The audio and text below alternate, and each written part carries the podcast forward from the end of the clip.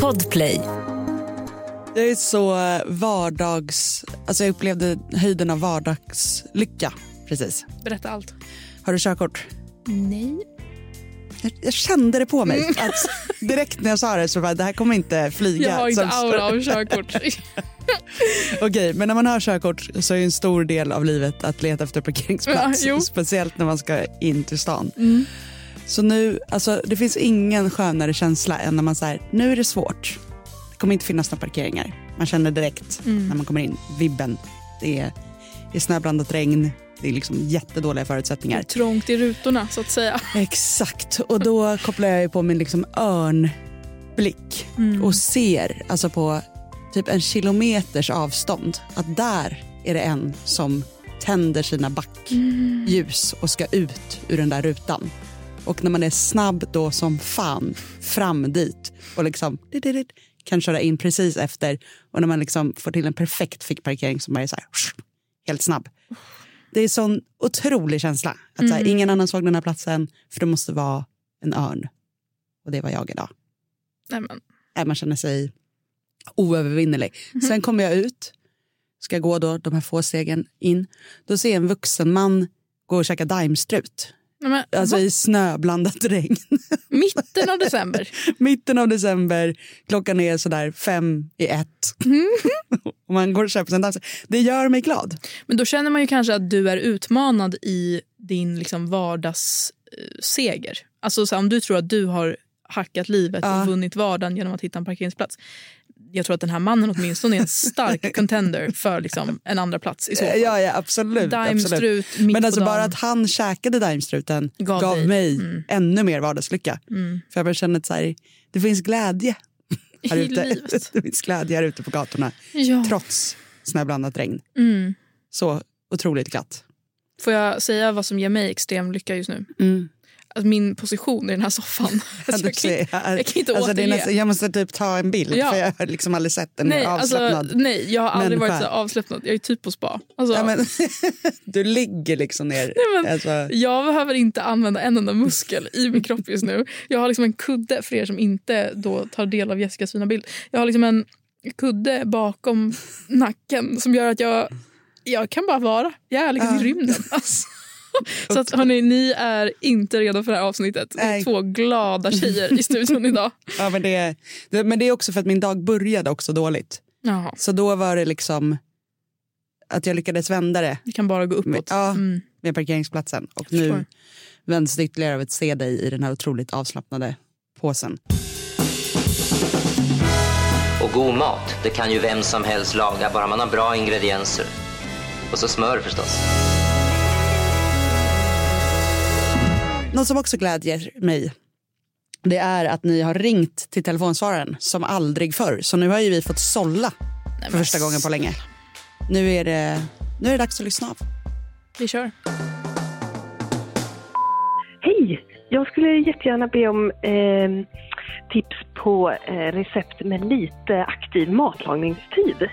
Eh, det är så att vi har eh, barn och jag vill helst inte lägga så mycket tid på eh, matlagning efterlämning och det är så mycket som händer då och det, man har så mycket tid på sig. Men jag jobbar hemifrån och skulle gärna förbereda under dagen. Eh, så mm, även om det är svårt och jag hinner inte ta en timme till att hacka och steka grejer på lunchen. Men eh, ja, som sagt, gärna tips på recept med lite aktiv eh, tid, men som kanske går i ugnen i två timmar medan jag jobbar. Eh, tack för ett jättebra program. Eh, tack, hej! Ja, det är ju lite av det bästa som finns tycker jag. Mm. Kort aktiv tid. Och eh, det finns ju massor av sådana recept som vi faktiskt redan har gjort Mm. också. Så att första rådet är ju liksom att scrolla tillbaka, kolla på våra liksom härliga grytor och köttbullar i röd curry och fläskfilé med parmaskinka och allt möjligt som vi har delat med oss av under tiden också. Den här sötpotatisen, vi gjorde bakade sötpotatisen, otroligt god. finns väldigt, väldigt mycket recept på Recept Direkt på Instagram. Eh, hon kommer också få fler recept av mig nu. Men det här är liksom det, det finns att ta, ta av.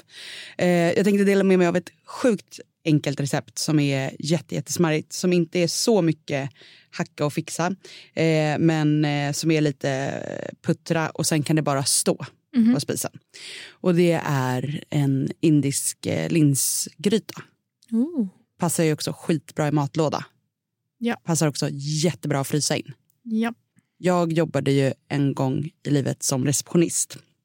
Då gjorde jag ju ofta så här storkok på söndagen på sån här billig linsgryta. Mm. Frös in portionsförpackningar och hade som matlåda så käkade jag samma sak varje dag i typ två veckor. Men det är ändå goals. Vet du vad jag åt till lunch idag? Nej. Potatisbullar Mm. utan sylt. Jag hade ingen... s- Alltså, Nej, för det, jag hade, det var en sylt i, i kylen. ja. Men jag kunde inte få upp burken. Alltså jag stod, Mm. du vet, framför... Vet du inte hacket? Jo men du har gett mig massa hacks. Jo, men jag var inte så här, alltså, du vet, jag, var, jag, jag kände mig liten. Du tar en liten träslev Ja. och slår på kanten av locket så släpper det här vakuumet. Då får du upp Men jag var inte säker på om det var vakuum eller om det var, Det var typ socker. så... Ja, Klister. klister så, och så Ja. kände jag mig så liten där i, i lunchrummet. Jag, bara, jag vill inte att någon ska se den här misären. Jag Mm. har played it rough before. Jag kan äta potatisbullar utan sylt. Så vet, jag åt upp allting innan någon annan kom. Men vadå, alltså, har du, tog du fram dem och stekte dem från frysen eller har du liksom mikrat potatisbulle? Alltså, jag gjorde dem i morse. Jag liksom, Hemgjorda? Nej. Tror du jag stod och rev potatis i morse? Nej men jag försöker förstå vad du har Fry. ätit. Alltså, Frys på... Alltså, f- Ja. frysta. ja, som du gjorde i ugnen i morse. Exakt. Och sen så mikrade du dem.